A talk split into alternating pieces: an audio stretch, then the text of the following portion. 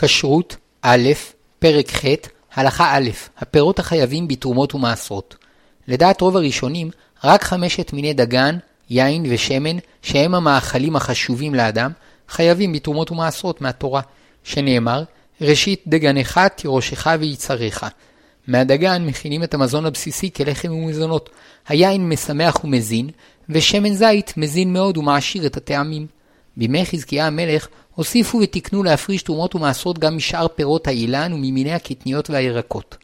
ויש אומרים שגם מיני קטניות ופירות עץ חייבים בתרומות ומעשרות מהתורה, שנאמר לגבי מעשר שני, וכל מעשר הארץ מזרע הארץ מפרי העץ להשם הוא.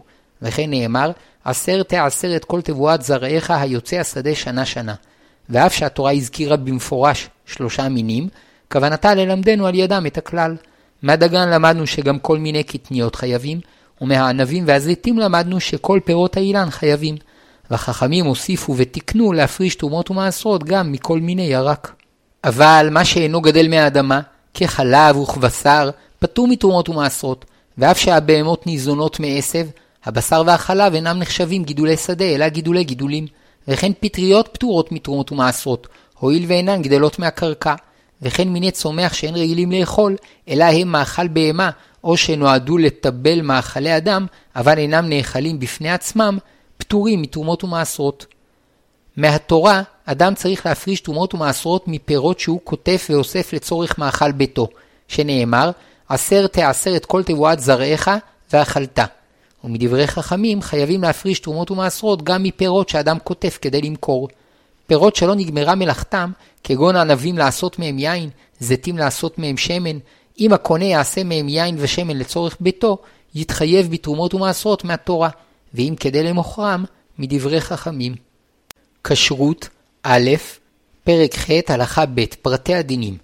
כל מאכל אדם הגדל מהארץ, חייב בתרומות ומעשרות, בין אם הוא נאכל כצורתו הטבעית, או מרוסק, או שעושים ממנו מיץ. אבל החלקים בפרי שאינם נחשבים מאכל אדם, פטורים. לפיכך, קליפות וגרעינים שאינם ראויים לאכילה, פטורים מתרומות ומעשרות, והראויים לאכילה, כדוגמת קליפת תפוח וגרעיני אבטיח, חייבים. עלי גפן שנקטפו לצורך מאכל, כעטיפה לאורז ובשר, פטורים מתרומות ומעשרות, הואיל ובדרך כלל הם אינם נחשבים מאכל. מיני תבלינים המשמשים לנתינת טעם או ריח או צבע בלבד, כדוגמת פלפל שחור, קינמון, כמון, פולי קפה ועלי תה, פטורים מתרומות ומעשרות, הואיל ואינם נאכלים בפני עצמם. אבל עלי פטרוזיליה וכוסברה שרגילים לערב בסלט, חייבים, הואיל והם ניכרים כצורתם בסלט, וממילא נחשבים כנאכלים בפני עצמם. המבשל מרק עם פטרוזיליה, שום ובצל, למרות שכוונתו שייתנו טעם בלבד ואחר כך הוא זורקם, המרק חייב בתרומות ומעשרות, הואיל וטעמו בא מירקות שרגילים לאוכלם גם כצורתם. צמחים שנועדו למרפא, או לריח, או לנוי, פטורים מתרומות ומעשרות, וכן עלי גת פטורים. המגדל זרעים שאינם ראויים לאכילה כדי להצמיח ירקות, כדוגמת זרעי בצל, פטורים מתרומות ומעשרות. הנוטל זרעים ומנביט אותם, אינו צריך להסר את הנבט, ואף שיש מחמירים, העיקר כדעת המקילים. מינים שנאכלים על ידי בהמה, גם אם יש אדם שרוצה לאוכלם וזרעם עבור אכילתו, כיוון שהם מאכל בהמה, פטורים מתרומות ומעשרות. אבל מינים של יתים נאכלים על ידי אדם ולעיתים על ידי בהמה, כדוגמת שעורה, אם זרעם ואספם עבור אדם, חייבים בתרומות ומעשרות, ואם זרעם ואספם עבור בהמה, פטורים. כשרות א', פרק ח', הלכה ג', הפקר. פירות הפקר, היינו פירות שכל אדם רשאי לתלם, פטורים מתרומות ומעשרות, שכן נאמר, ובא הלוי כי אין לו חלק ונחלה עמך. דווקא מפירות שאין לו בהם חלק ונחלה, חייבים להפריש תרומות ומעשרות. אבל מפירות הפקר, כיוון שיש לו בהם חלק ונחלה, אין מפרישים תרומות ומעשרות. לפיכך, מטיילים שקטפו פירות שגדלים פרא במקום שאינו שייך לאיש, רשאים לאוכלם בשדה או בבית בלא להפריש מהם תרומות ומעשרות. עצי פרי שנטועים לנוי בגינות ציבוריות ששייכות לעירייה או לעמותה ציבורית, כל זמן שהאחראים על הגינות מרשים לכל אדם לקטוף מהפירות ללא הגבלה, הפירות פטורים מתרומות ומעשרות. ואם הדבר אינו ברור, יודיעו לשלושה אנשים שהפירות הפקר, ובכך הפירות יהיו פטורים בלא ספק. הרוצה להפקיר את פירותיו, צריך לומר בפני שלושה אנשים, פירותיי הפקר, ועל ידי כך הם נעשים הפקר, וכל אדם יכול לזכות בהם. וצריך שלפחות שניים מהשומעים יהיו כשרים לעדות, שאם יבוא השלישי לזכות בפירות, יעידו השניים שזכה בהם כדין. הפקיר את הפירות לעניים ולא לעשירים, או אפילו הפקירם לכל חוץ מלאדם אחד, אינם הפקר, וחובה להפריש מהם תרומת ומעשרות. ההפקר שפוטר את הפירות ממעשרות הוא מזמן שהגיעו לעונת המעשרות, כלומר נעשו ראויים לאכילה בשעת הדחק, ועד שנקטפו ונקבעו למעשרות. הפקיר את פירותיו בעודם מחוברים לעצים ולא את שדהו, הפירות פטורים מתרומות ומעשרות. אבל אם הפקיר את השדה ולא את הפירות, הפירות חייבים. כמו כן, הזורע השדה הפקר, למרות שהשדה נותר הפקר, כיוון שהפירות שלו, הפירות חייבים בתרומות ומעשרות. הפקיר את פירותיו אפילו לשעה אחת, כל אדם שזכה בהם פטור מתרומות ומעשרות, ואין בעל הפירות יכול לחזור בו מההפקר אחר שזכה בהם אדם אחר. אבל אם לא זכה בהם אדם אחר, תקנו חכמים שכל שלא עברו שלושה ימים אחר ההפקר, יכול בעל הפירות לחזור בו מן ההפקר ולבטלו, או לקנות את הפירות בהגבהה, והפירות יהיו חייבים בתרומות ומעשרות. ורק אם יעברו על הפירות שלושה ימים שיהיו מופקרים, ואחר כך יחזור ויזכה בהם, יהיה פטור מלהפריש מהם תרומות ומעשרות. טעם התקנה, לחסום את הרמאים שהיו מפקירים את פירותיהם לשנה קלה, ומיד חוזרים וזוכים בהם, ובאמת לא התכוונו להפקירם, אלא רק להיפטר מחיוב תרומות ומעשרות. כשרות א', פרק ח', הלכה ד', נטע רוואי, שביעית ומתנות עניים. פירות נטע רוואי פטורים מתרומות ומעשרות. כידוע, פירות שגדלים בשלוש השנים הראשונות של העץ אסורים מדין עורלה, ופירות השנה הרביעית הם פירות נטע רוואי, והם קדושים, ומצווה לאוכלם בטהרה בירושלים. וכיוון שהם מקודשים למצוותם, אין מניחים מהם לקט, שכחה ופאה לעניים, ואין מפרישים מהם תרומות ומעשרות. פירות שהם ספק נטע רוואי, ספק בני השנה החמישית, מפרישים מהם תרומות ומעשרות בלא ברכה. אבל את המעשר הראשון ללוי, ואת מעשר העני לעני, אין חובה לתת, הואיל והם חיובי ממון. וכמו בכל חיוב ממון, בלא ראיה ברורה שאכן חייבים לשלם חוב זה, אין חובה לשלמו. הפירות הגדלים בשנה השביעית הם הפקר ופטורים מתרומות ומעשרות. פירות לקט, שכחה, פאה, פרט ועוללות שצריך להשאיר לעניים, פטורים מתרומות ומעשרות. כשרות, א', פרק ח', הלכה ה', עונת המעשרות וחשבון השנים. מצוות הפרשת תרומות ומעשרות חלה רק לאחר גמר מלאכת איסוף הפירות וקביעתם למעשרות. אולם עונת המעשרות שעל פיה קובעים את שנת המעשרות, נקבעת על פי הזמן שהפירות יוצאים משלב הבוסר ומגיעים לשלב שניתן לאוכלם בשעת הדחק. וזה הזמן שנקרא הביאו שליש בתבואה וקטניות, היינו שהגיעו לשליש בישולן, ונעשו ראויות לאכילה בשעת הדחק, והוא זמן הכנתה בפירות האילן. סימן לעונת המעשרות, שמאותו שלב, אם יזרעו את התבואה או את הקטניות, או את הזרעים שבפרי, הם יצמחו. עונת המעשרות קובעת את שנת המעשר לפירות האילן, לתבואה ולקטניות, חוץ מירקות. הפירות שהגיעו לעונת המעשרות לפני ראש השנה שלהם, שייכים לשנה הקודמת, לאחר ראש השנה שלהם, לשנה הבאה. שתי הלכות יסודיות תלויות בכך. הראשונה, צריך להפריש תרומות ומעשרות מפירות אותה השנה, שנאמר, עשר תעשר את כל תבואת זרעך היוצא השדה שנה שנה, מלמד שאין מעשרים אותו משנה לחברתה, ואם הפריש מפירות של שנה אחת על חברתה, מעשיו בטלים. השנייה, בשנים א', ב', ד', ה' לשמיטה, מפרישים מעשר שני, ובשנים ג' ו', מפרישים מעשר עני, והזמן הקובע את השנה לגבי הפירות הוא עונת המעשרות. ראש השנה לתבואה ולקטניות הוא א' בתשרי. כל שהגיעו לעונת המעשרות לפני א' בתשרי, שייכים לשנה הקודמת, וכל שהגיעו לעונת המעשרות לאחר א' בתשרי, שייכים לשנה הבאה. ראש השנה לפירות האילן נדחה בארבעה וחצי חודשים לט"ו בשבט, משום שכל פרי שחנת לפני ט"ו בשבט, כדוגמת פירות הדר, בידוע שגדל מכוח הגשמים של השנה שעברה, ולכן דינו כדין השנה שעברה. ואם חנת לאחר ט"ו בשבט, כמו רוב הפירות, דינו כדין השנה החדשה, שכן צמח מכוח גשמי השנה הזו. אמנם בשביעית, שנת האילן מתחילה באלף בתשרי, שכל שחנת מאלף בתשרי עד ט"ו בשבט של שביעית, הפקר ופטור מתרומות ומעשרות, ומה שחנת מאלף בתשרי עד ט"ו בשבט, בשנה שלאחר השביעית, דינו כדין שנה ראשונה. בירקות הדין שונה. ראש השנה לירקות באלף בתשרי, כמו בתבואה ובקטניות, אולם עונת המעשרות שלהם היא בזמן לכיתתם, ולא מי שהביאו שליש, וזאת משום שהם גדלים על ידי השקיה, וממילא ניתן לגדלם בכל עונות השנה, ולכן לא גידולם קובע, אלא לכיתתם. בנוסף לכך, הם לא מבשילים בבת אחת, כך שייתכן שאם השנה תיקבע לפי השלב שבו הפירות ראויים לאכילה בשעת הדחק, בתוך שדה אחת חלק מהירקות יהיו שייכים לשנה הקודמת וחלק לשנה הבאה, בלא שניתן יהיה להבחין ביניהם. לפיכך קבעו חכמים ששנת המעשר שלהם תיקבע לפי זמן לכיתתם, שהוא זמן ברור, וכן הדין גם באורז, בדוחן ובסומסומין. גם אתרוג כמו ירקות גדל על כל מים, שכאשר משקים אותו הוא ממשיך לגדול מעבר לעונתו הטבעית, ולכן שנת המעשר שלו נקבעת לפי זמן לכיתתו. אלא שהואיל והוא עץ, ראש השנה שלו בט"ו בשבט, אבל דין שאר פירות ההדר כדין שאר העצים שהשנה שלהם נקבעת לפי הכנתה, הואיל ויש להם עונה קבועה שבה הם גדלים ונקטפים. כשרות א', פרק ח', הלכה ו', גמר מלאכה.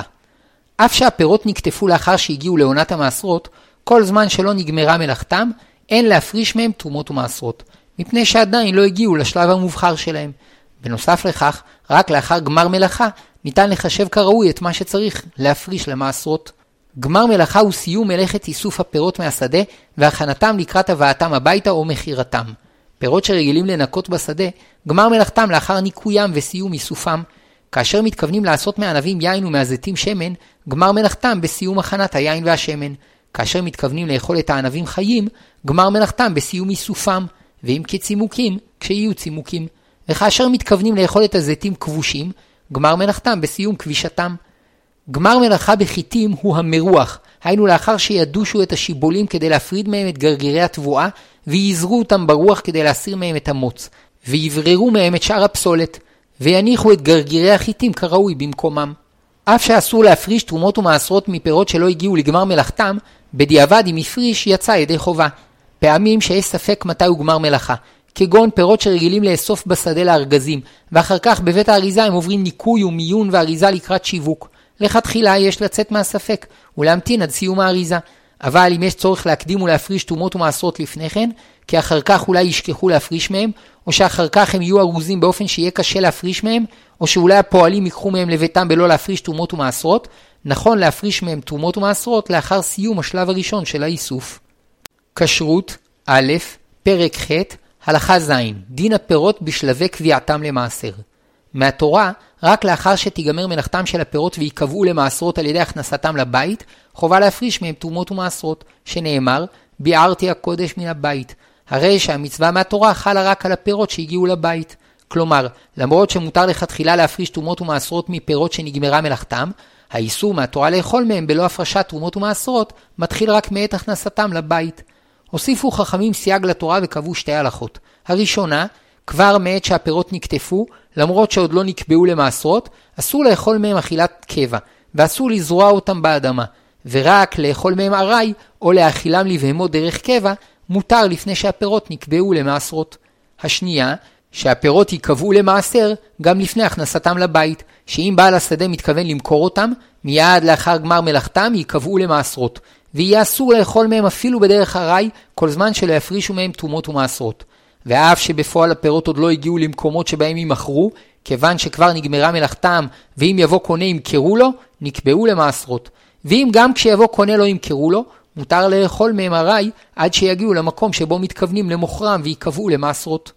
ואם בעל הפירות מתכוון להביאם לביתו לצורך אכילתם, תקנו חכמים שאף לפני שיכניסם לביתו, ייקבעו למעשרות באחד משישה דברים נוספים, ויהיה אסור לאכול מהם אפילו ארעי, בלא שיפריש מהם תחילת תרומות ומעשרות. אלו הם ששת הדברים. א', הכנסתם לחצר שמורה. ב', מקח, מכירתם. ג', בישול. ד', מליחה או כבישה. ה', הפרשת תרומה גדולה מהם. ו', שבת. בכניסת השבת הפירות שמיועדים לאכילה בשבת נקבעים למעשר. המסתפק אם אכילתו היא דרך קבע או ארעי, או אם הפירות נקבעו למעשרות, יפריש מהם תרומות ומעשרות בברכה, ויצא מהספק. כשרות א', פרק ח', הלכה ח', פירות הגדלים בחצר. פירות שגדלים בחצר שמורה, שאין אדם זר רשאי להיכנס אליה, מותר לאכול מהם דרך ארעי רק לפני גמר מלאכתם, היינו לפני איסופם, כגון עיניו אחד או תאנה אחת שנאכלים בבת אחת. אבל אם יקטוף שני גרגירי ענבים, או שתי תאנים, או פרי גדול שאין אוכלים אותו בבת אחת, כתפוח או כתאנה גדולה, כבר בקטיפתם הם נאספים ונגמרת מלאכתם והם מתחייבים בתרומות ומעשרות, כי כך היא דרך איסופם בחצר. מכיוון שהם בתוך חצר משתמרת שקובעת למעשרות, אפילו באכילת הרעי הם אסורים קודם שיפריש מהם תרומות ומעשרות.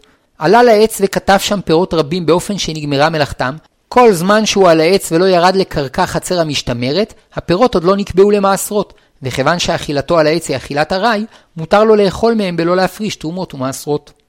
כשרות א', פרק ח', הלכה ט', מקום החיוב בארץ ישראל. מצוות תרומות ומעשרות היא מהמצוות התלויות בארץ, שכל הגדל בשטחי ארץ ישראל, כולל עבר הירדן המזרחי וסוריה, בכלל המצווה. אלא שכאשר רוב עם ישראל יושב בארץ, חיוב המצווה מהתורה, וכאשר רוב העם אינו בארץ, כמו במצבנו כיום, חובת המצווה מדברי חכמים. ויש סוברים שבמקומות שהתיישבו בהם עולי בבל בימי בית המקדש השני, גם כשרוב העם אינו בארץ, החיוב מהתורה. כל השטחים שתחת שלטון מדינת ישראל חייבים בתרומות ומעשרות בברכה, וניתן להפריש תרומות ומעשרות מפירות שגדלים במקום אחד על פירות שגדלים במקום אחר. אולם נכון שלא להפריש מפירות שגדלים בשטחי ארץ ישראל שתחת שלטון זר, כירדן, סוריה, לבנון ומצרים, על פירות הגדלים במדינת ישראל, וכן להפך, מפני שיש סוברים שבשטחים שתחת שלטון ישראל, יסוד המצווה מהתורה, ובשטחים שמחוץ לגבול המדינה, יסוד המצווה מדברי חכמים. כאשר רוב ישראל ישבו בארץ, חיוב המצווה יהיה מהתורה בכל השטחים שתחת שלטון ישראל. פירות ארץ ישראל שיוצאו לחוץ לארץ, אם נגמרה מלאכתם בארץ, חייבים בתרומות ומעשרות, ואם נגמרה מלאכתם בחוץ לארץ, פטורים. ואם בעת קטיפתם חשב להוציאם לחוץ לארץ, גם אם גמר מלאכתם בארץ, יש אומרים שפטורים מתרומות ומעשרות, ויש מחמירים. וכיוון שהדין מדברי חכמים, הרוצים להקל, רשאים. פירות חוץ לארץ שנכנסו לארץ, אם נגמרה מלאכתם בחוץ לארץ, פטורים, ואם נגמרה מלאכתם בארץ, חייבים בתרומות ומעשרות מדברי חכמים. כתבו כמה אחרונים שכל זה בתנאי שהפירות גדלו בשדה של יהודי. אבל פירות שגדלו בחוץ לארץ בשדה של גוי, גם אם גמר מלאכתם בארץ, פטורים מתרומות ומעשרות. ואף שיש מחמירים, כיוון שהדין מדברי חכמים, וכן נראה, הלכה כדעת המקילים. כשרות א', פרק ח', הלכה י', פירות נוכרי. גוי שיש לו קרקע בארץ ישראל, וגידל בה פירות וכתפם ואספם, פטורים מתרומות ומעשרות. ואם מכר את הפירות לישראל לפני גמר מלאכתם, וישראל גמר את מלאכת איסופם, הפירות חייבים בתרומות ומעשרות. שההלכה היא שאין קניין הגוי מפקיע את הקרקע שלו מהמצוות, ולכן למרות שהפירות גדלו בקרקע של גוי, כיוון שהיו ברשות ישראל בגמר מלאכתם, שהוא השלב שבו הם מתחייבים בתרומות ומעשרות, חייבים בתרומות ומעשרות. אמנם לגבי מתן מעשר ראשון ומעשר עני, נותנים רק לפי אחוז הפרי שגדל ברשות הישראל, כמבואר בהערה. פירות שדה של יהודי שפועלים נוכרים כתפו וגרמו את מלאכת איסופם, חובת תרומות ומעשרות מדברי חכמים. פירות שדה של גוי שפועלים יהודים כתפו וגמרו את מלאכת איסופם, לדעת רוב הפוסקים חייבים להפריש תרומות ומעשרות, אבל כיוון שיש מקילים, יש להפריש תרומות ומעשרות בלא ברכה. כשרות א', פרק ח', הלכה י"א, עוד מדיני נוכרי. ישראל שמכר את פירותיו קודם גמר מלאכה לנוכרי, למרות שמהתורה הפירות פטורים מתרומות ומעשרות, תקנו חכמים שיהיו חייבים בתרומות ומעשרות. משום בעלי כיסים, היינו אנשים עשירים, שכדי להשתמט ממתן תרומות ומעשרות, היו מוכרים את פירותיהם לפני גמר המלאכה לנוכרי. וכדי למונעה מכך, תקנו שגם אם הנוכרי יגמור את מלאכת איסופם, יהיו הפירות חייבים בתרומות ומעשרות. ורק אם הישראל ימכור את פירותיו לנוכרי בעודם על העצים לפני שיגיעו לעונת המעשרות, היינו לפני שיהיו ראויים לאכילה בשעת הדחק, ויישארו ברשותו עד אחר גמר מלאכה, יהיו הפירות פטורים מתרומות ומעשרות. ישראל ונוכרי ששותפים בשדה, הפירות חייבים בתרומות ומעשרות. כדי לצאת מהספק, טוב שיחלקו מראש את השדה, והצד של הנוכרי יהיה פטור מתרומות ומעשרות, והצד של הישראל יהיה חייב. בדיעבד, אם לא עשו כן, יחלקו את הפירות ביניהם, והישראל יפריש מחלקו. נוכרי פטור מלהפריש תרומות ומעשרות מפירות שגדלו בשדה ובארץ ישראל, וגם אינו יכול להפריש תרומות ומעשרות עבור ישראל. אבל אם ירצה, יוכל להתנדב ולהפריש תרומות ומעשרות מפירותיו. יש אומרים שזאת תקנה מדברי חכמים, ויש אומרים שכך הדין מהתורה, שכשם שנוכרי יכול להקדיש קורבן, כך הוא יכול להפריש תרומות ומעשרות מפירות שגידל בארץ ישראל. כשרות א', פרק ח', הלכה י"ב, מקומות שאינם שדה. מהתורה, רק הגדל בקרקע חייב בתרומות ומעשרות, וגם הגדל בעציץ נקוב נחשב כגדל בקרקע, אבל הגדל בעציץ שאינו נקוב, או על גבי מצעים שמנתקים אותו מהקרקע, פטור, וחכמים חייבו אותו בתרומות ומעשרות בברכה. הגדל בתוך בית, אף שרצפתו אדמה, פטור מתרומות ומעשרות. ולדעת הרמב"ם, אף שמהתורה הוא אכן פטור, מדברי חכמים חייב. לפיכך יש להפריש תרומות ומעשרות בלא ברכה. חובה להפריש תרומות ומעשרות מפירות שגדלים בחממות. כשרות, א', פרק ח', הלכה י"ג, דמאי ושאר ספקות. בלשון חכמים, תבל הם פירות שלא הופרשו מהם תרומות ומעשרות, ופירוש תבל, טוב לו. כלומר, פירות אלו עדיין לא טובים לאכילה. דמאי הם פירות שיש ספק אם הפרישו מהם תרומות ומעשרות. דמאי היא מילה בארמית, שתרגומה זה מה, כלומר, יש שאלה בפירות אלה, האם מאוסרים הם? בזמן חכמים, רוב עמי הארץ היו מפרישים תרומות ומעשרות, אבל כיוון שמקצתם לא הפרישום כראוי, תקנו חכמים שפירות עמי הארץ יהיו במעמד של דמאי. תרומה גדולה לא יפרישו מהם, מפני שהפרשתה הייתה רווחת אצל עמי הארץ. אבל מעשר ראשון, תרומת מעשר ומעשר שני או עני, יפרישו. אמנם בפועל, אף שהפרישו פירות מעשר ראשון ומעשר עני על ידי קביעת מקום, לא חייבו חכמים לתת אותם ללוי ולעני, מפני שהם חיובי ממון, שחל עליהם הכלל המוציא מחברו עליו הראייה. ובלא שהלוי או העני יוכיח שאכן לא הפרישו מפירות אלו מעשרות, לא יצטרכו לתנם. אבל מתוך המעשר הראשון צריכים להפריש תרומת מעשר וליתנה לכהן, הואיל ויש בה קדושה ואסור לישראל לאוכלה. וכן לגבי מעשר שני, הואיל ויש בו קדושה, צריכים להפרישו ולאוכלו בירושלים בטהרה. ואין מברכים על הפרשת תרומות ומעשרות ופדיון מעשר שני מפירות דמאי, כפי הכלל המפורסם, ספק ברכות להקל. ואם פודים מעשר שני של דמאי, אין צריך להוסיף חומש. כיום, כאשר מתעורר ספק על פירות אם הם מאוסרים, הספק הוא גם על תרומה גדולה, הואיל וגם אותם מהארץ אינם מפרישים. לפיכך יש להפריש את כל התרומות והמעשרות בלא ברכה. אלא שכאמור, את חיובי הממון, מעשר ראשון ומעשר עני, אין צריך לתת ללוי ולעני. ואילו את התרומות המקודשות, צריך מספק להניח עטופות בפח, ואת המעשר שני צריך לפדות על פרוטה.